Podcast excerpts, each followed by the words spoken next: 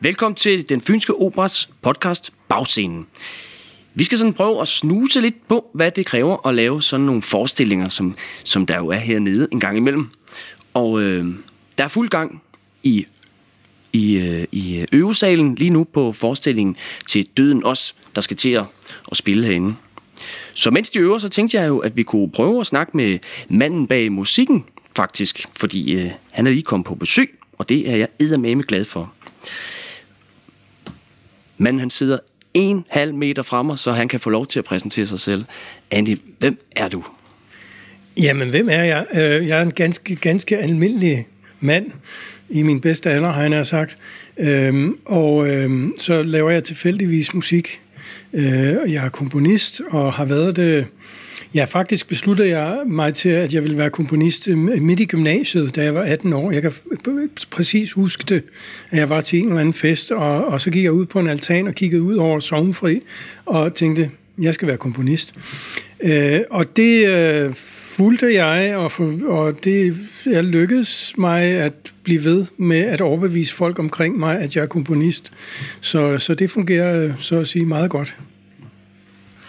Og, og, og så har du så fået sådan nogle... Øh, du har jo også været hernede, har jeg hørt af, af Jette, der ved alt her på operan, at du har jo også været huskomponist hernede øh, en gang på den fynske opera. Og nu er du så hos øh, Odense Symfoni og er i gang med, med, med en masse derovre. Hvad laver sådan en huskomponist? Ja, en huskomponist øh, laver, øh, altså sådan som vi definerer huskomponistembedet i hvert fald med Statens Kunstfond, det er, at man øh, skitserer et projekt. Man simpelthen siger, jeg har lyst til at gøre det her. Øh, da jeg var hos den fynske opera, var projektet at ende op med en opera. Men, men i virkeligheden Altså, det kan man sige, okay, hvad, hvad er der interessant ved det? Fordi det kan man da bare skrive. Men jeg havde lyst til at gøre det på en, en lidt krinkelkroget måde og prøve at indsamle noget information undervejs. Og prøve at afdække nogle ting undervejs. Og det har man sjældent tid til. Når man skal skrive en opera, så skal man bare skrive en opera. Men, men at afdække for eksempel, hvordan med teksten? Hvordan kan vi arbejde med det? Hvordan med sanger? Hvordan kan vi arbejde med dem? og så videre. Og hvordan med idéer? Hvordan kan man arbejde med det? Jeg blandt andet lavede en aften, hvor jeg simpelthen spurgte folk, der mødte frem, øh, har I nogle idéer til, til en opera? Øh, Og hvad vil det så være? Og lavede, så lavede vi en hat gå rundt, og så lavede vi ligesom med teatersport, at vi lavede øh, øh, opera-impro. Og det var, det var enormt sjovt. Altså det har vi aldrig prøvet før, og det kan være, at vi aldrig prøvet det siden, men, men det var meget, meget interessant at, øh, at prøve det der. Og det får man som sagt ikke tid til eller mulighed til, hvis man bare skal skrive en opera. Øh, nu med Odense Symfoniorkester, det er sådan et lidt andet projekt, det er noget med at indsamle historier fra fynboerne og prøve at omdanne dem til musik. Så jeg har simpelthen på baggrund af mere end 150 historier skrevet en symfoni i ni satser, som var 45 minutter. Mm. Så det, det er sådan, som man nu synes, øh, at man gerne vil noget. Hvad betyder de der historier for dig? Altså, er, er, det, er det vigtigt, at, øh, at musikken skal fortælle noget? Skal, skal, vi, skal vi lytte på det som en fortælling? Eller, eller det, det lyder som om, du går meget op i at, at sanse og mærke mennesker rundt. Hvorfor det? Når Ja. man er, er, er, skriver noder. Altså. Jo, jo, jo, men altså... Ja, altså, jeg, jeg har lagt mærke til, at vi som kunstnere er inspireret af mange forskellige ting. Altså, nogle kunstnere er enormt inspireret af at kigge på en flot solnedgang, mm. eller et fantastisk øh, vy over naturen, eller mm. et eller andet i den retning. Mm. Øh, det, der inspirerer mig mest, har jeg lagt mærke til, det er mennesker. Mm. Øh, og det må jeg bare tage til efterretning. Det er det. Øh, Det er det ene, og det andet er, at det, som også inspirerer mig meget, det er historier. Mm. Jeg skriver mange, mange operaer. Jeg har skrevet 11 operaer. Mm. Og, og i virkeligheden troede jeg aldrig nogensinde, jeg ville være operakomponist, fordi da jeg var øh, øh, der 18, 19, 20 år gammel, og så, så havde jeg opera. Jeg synes, det var noget mærkeligt noget, okay. at, at have en masse masse mennesker op på en scene, og så skreg de til hinanden, og så kunne man ikke forstå i øvrigt, hvad de skreg til hinanden, fordi det var på et eller andet fremmedsprog. Og, mm. øh, så, så opera, det var sådan, nej, jeg skal ikke skrive opera. Mm. Men jeg blev nødt til det af en god kammerat, og, og så skrev jeg en opera, og øh, så, så skete der noget. Jeg opdagede, at hov, det der opera noget, det kunne noget, som jeg ikke havde regnet med. Mm. Øh, og så resten af mit liv derfra, så har jeg prøvet at finde ud af, hvad var det for noget, der skete lige der. Mm. Og det har jeg ikke fundet ud af endnu. Ja. Så jeg bliver bare ved med at skrive opera efter opera indtil, og, og det er så fint. Altså, jeg tror, at, at mange af vores kunstnere, vi, vi øh, har det rigtig godt med, at vi ikke finder ud af det. Fordi hvad, hvad skulle vi så ellers lave? Altså hvis vi finder ud af det, så er det ikke noget at lave. Så, øh, så jeg bliver ved med at, at prøve at finde ind til de her historier, og jeg synes, der er sådan en anden side af det, at øh, jeg, jeg på det sidste her er blevet meget optaget af som kunstner, at prøve at gå uden for mig selv. Øh, det er sådan lidt mærkelige ting at forstå, men at i stedet for, at al kunsten skal oprinde hos mig, mm. så måske gå uden for mig selv og sige, om andre kan være med til at præge den kunst, som jeg laver. Så jeg i stedet for er en, hvad skal man sige, en, der laver ting, er mere et rør for nogle andre. Mm. Og den her Odense-projekt var meget det, at se, hvordan vil det fungere, mm. hvis jeg sagde, jamen jeg stiller mig til rådighed for jer, Øhm, jeg, jeg har det store kørekort til symfoniorkestret, øh, men, men, øh, og I har nogle historier. Kan vi, kan vi spille sammen? Mm. Og det, det er så det. Er, er det sådan for at, at, at, er det stadig den jagt efter hvorfor at, øh, at, at, at det kan være at de kommer med et guldkorn du kan bruge til noget i dit hjerte sådan eller eller er det for at hjælpe dem til ord sådan eller hvad Altså i virkeligheden er det fordi jeg elsker at spille sammen med mennesker. Mm. Altså i virkeligheden er det fordi, at det at være komponist er i bund og grund en meget, meget ensom værv. Mm. Man sidder hjemme i sin kammer, og så skriver man klatter på et stykke papir, mm. og så afleverer man klatterne til nogle andre, og så spiller de det, og det er ligesom det. Og, og det synes jeg er så uendeligt trist et eller andet sted. så så øh, altså bare det med opera, det er jo enormt fedt, fordi man er sammen med rigtig mange mennesker i lang tid, og, og har det rigtig sjovt sammen. Øhm, og så, så meget af min, min virke går sådan ud på at opfinde måder at, øh, at, at være sammen med andre mennesker på i mit, mit værv, som, som nu engang jeg har valgt. Mm. Ej, det synes jeg var helt smukt. Hvordan... Øh, øh kan du, når du øh, så skriver en historie der, du, er, du arbejder på ned på papiret, og den skal jo føles i, i tonerne på en måde. Kan du, øh, kan du mærke den? Altså, kan du, kan du ændre dit uh, humør på den måde? Altså, kan, der, jeg tænker måske også lidt på nogle skuespillere, der skal ind i en rolle. Så sidder de der og kan mærke den rolle så meget, at, at de faktisk, hvis det skal være en depressiv rolle, går hen og bliver sådan meget ramt af det der. Kan, kan du kende sådan noget? Det kan jeg godt kende. Altså, og så vil jeg så sige, at øh, processen lige med Odense Symfoniorkester og det der med at forvandle andres historier til musik, det viste sig at være meget, meget sværere, end jeg havde troet. Mm. Altså, mm, jeg, jeg var faktisk ved at gå ned med fladet på det. Altså, jeg var på et tidspunkt, sagde til min kone, ved du hvad, jeg tror, jeg hopper i floden, hvis Holbæk havde en flod. Det har vi desværre ikke så. Men, men øh, det, det viste sig at være ekstremt svært, fordi jeg skulle ligesom tilsidesætte mit eget ego. Og det er jo sådan egentlig det, projekt gik ud på, men det viste sig at være virkelig, virkelig svært. Mm. Øhm, og så skete der to ting. Der var en, en, en god ven, som jeg også øh, beklagede mig til, at, at, at øh, hvad fanden har jeg bundet ind med det her projekt, og jeg kan overhovedet ikke finde ud af det. øhm, så sagde hun, øhm, prøv, prøv at lytte til de historier, du skal arbejde med om aftenen, lige inden du går i seng. Mm og så næste morgen gå i gang med det. Okay. Og det var faktisk ret, det var meget, meget smukt, og meget en super god idé. Okay. Og det var den ene ting. Og den anden ting, som jeg selv besluttede, det var, at jeg skulle arbejde på en ekstremt anden måde, end jeg plejer at arbejde som komponist. Nemlig at have en dogme, der hed, alt hvad jeg nedfældede på papiret var rigtigt. Okay. Lige meget hvad jeg lavede, ja. så var det rigtigt. Jeg måtte ikke bedømme det på nogen måde. Jeg må ikke sige, åh, oh, ej, det er altså godt nok mm. et eller andet. Mm. Who knows? Øhm, det var bare rigtigt. Og befriende og, så, eller?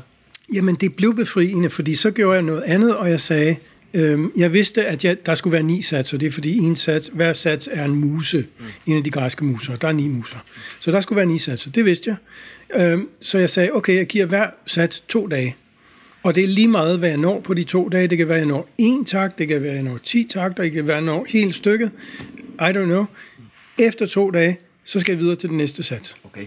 Øhm, lige meget hvad. Og det er også ekstremt anderledes, end jeg er vant til at arbejde. Jeg er vant til at skrive satsen færdig, inden jeg kommer til den næste sats. Mm. Øhm, og det var også virkelig sjovt. Mm. Og så skrev jeg ni indfald, og så gik jeg tilbage og sagde, kan vide, hvad jeg fandt på? Jeg kan ikke engang huske det. Det var bare sådan mm. lidt... Øh, forfatterne kender det godt. De har noget, der hedder øh, automatic writing. Mm. Og det er det, lidt det samme. Man skriver bare de ord, der falder der ind, og du må ikke bedømme dem, du må ikke have en sammenhæng, du skal bare skrive de ord. Mm. Og så skal du gå tilbage og læse det og se, hvad, hvad er det egentlig, jeg tænker på. Mm. Og det, øh, det var super spændende. Mm. Og så kunne, jeg, så kunne jeg godt sætte min øh, analytiske komponisthoved på og sige, okay, hmm, hvad er det her for noget? Hvad kan jeg bruge det til noget? Er der noget tematik her? Er der noget, der er gennemgående? Er der noget? Og så begyndte tingene at tage form. Og så skrev jeg symfonien lidt som at udfylde de der øh, hvad skal man sige, ruder eller øh, malerier, eller hvad man nu skal sige det, lidt af gangen. Mm. Og det var også ekstremt anderledes, end jeg nogensinde har komponeret et værk før. Mm. Og det synes jeg var herligt. Ja. Så ikke meget, der kom ud af at bare ja. sige, jeg vil gerne have nogle historier. Mm. Ja. Det er fedt. Ja. Var noget struktur lige pludselig kom der, som, øh, som, som var anderledes, end du, du plejede? Altså, eller, eller er struktur også en, en, øh, en vigtig ting i dit arbejde? Sådan, øh, nu kom det lige sådan, at der skulle være to dage, og det var jo meget stramt, synes jeg. Det lød sådan... Øh, men det er måske altid stramt i Andy Papes... Øh. Altså, jeg vil sige, sige det sådan, og jeg tror, at, at rigtig mange kunstnere vil nikke genkendende til, at hvis ikke man strukturerer sit arbejdsliv, mm. så falder de helt fra hinanden. Mm. Altså i hvert fald, jeg ved ikke om mange, altså jeg tror, vi, vi er forskellige, vi er meget forskellige. Nogen har det sådan, de vil ikke arbejde med mindre, de er inspireret. Mm. Eller med mindre øh, ånden mm. falder over dem. Mm. Øh, jeg har det sådan, jeg skal have noget struktur, ellers... Øh, Ja, jeg prøvede faktisk det andet, ja. og det virkede ikke. Så, så jeg havde brug for strukturen, og så vil jeg så sige, det at være komponist, det at komponere musik, mm. indeholder i sig selv ideen om struktur. Fordi måden, vi hører musik på i Vesten, mm. det er struktureret lytning.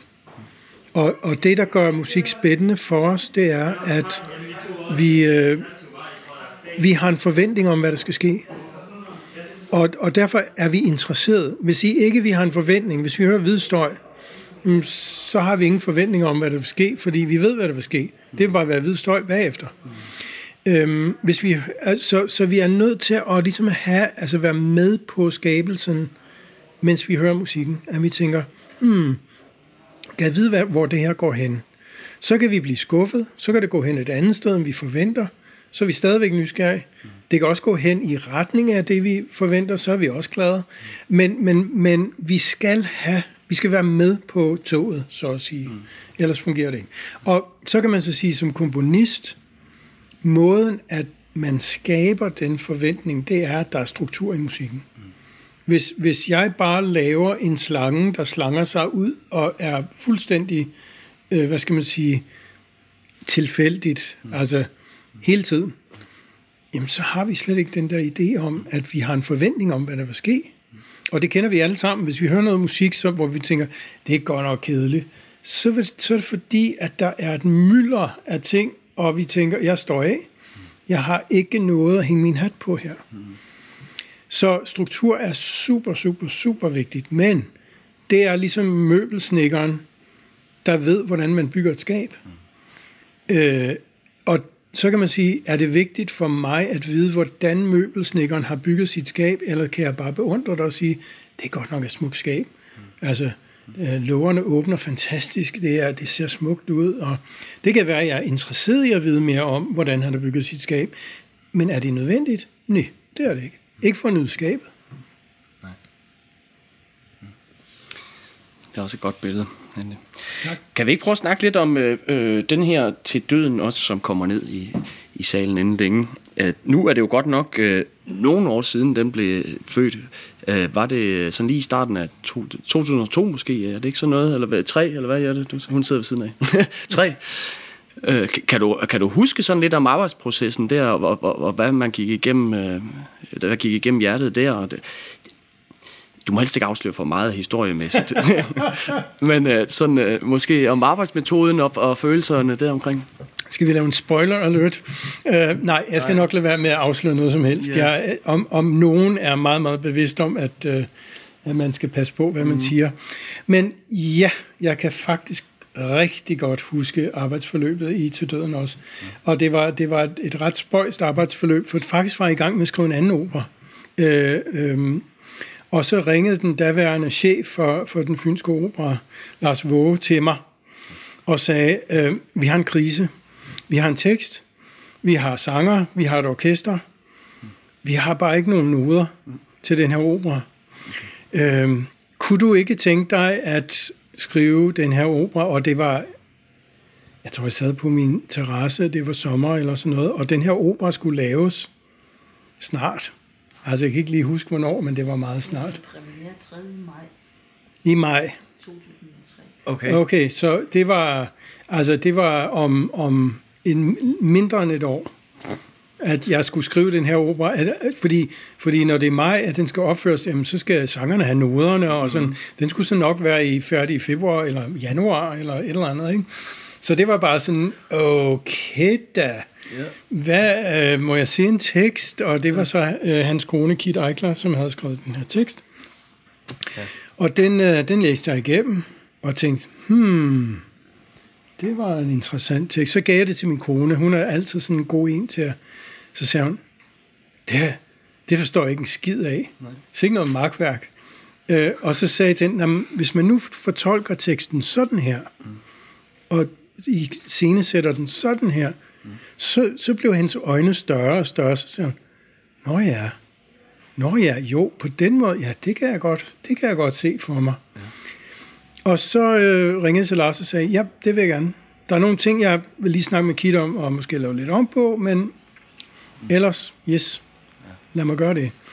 Og så skrev jeg det i et ruf til, øh, og, og jeg vidste i første, øh, vi vidste, at det var Lind Ensemble, det, det er jeg ret sikker på, at det, det var orkestret, og dem kendte jeg rigtig godt. Okay. Det er nogle gode venner, og, øh, og dem elsker jeg at skrive musik til, og har siden, siden skrevet også en anden opera til dem faktisk.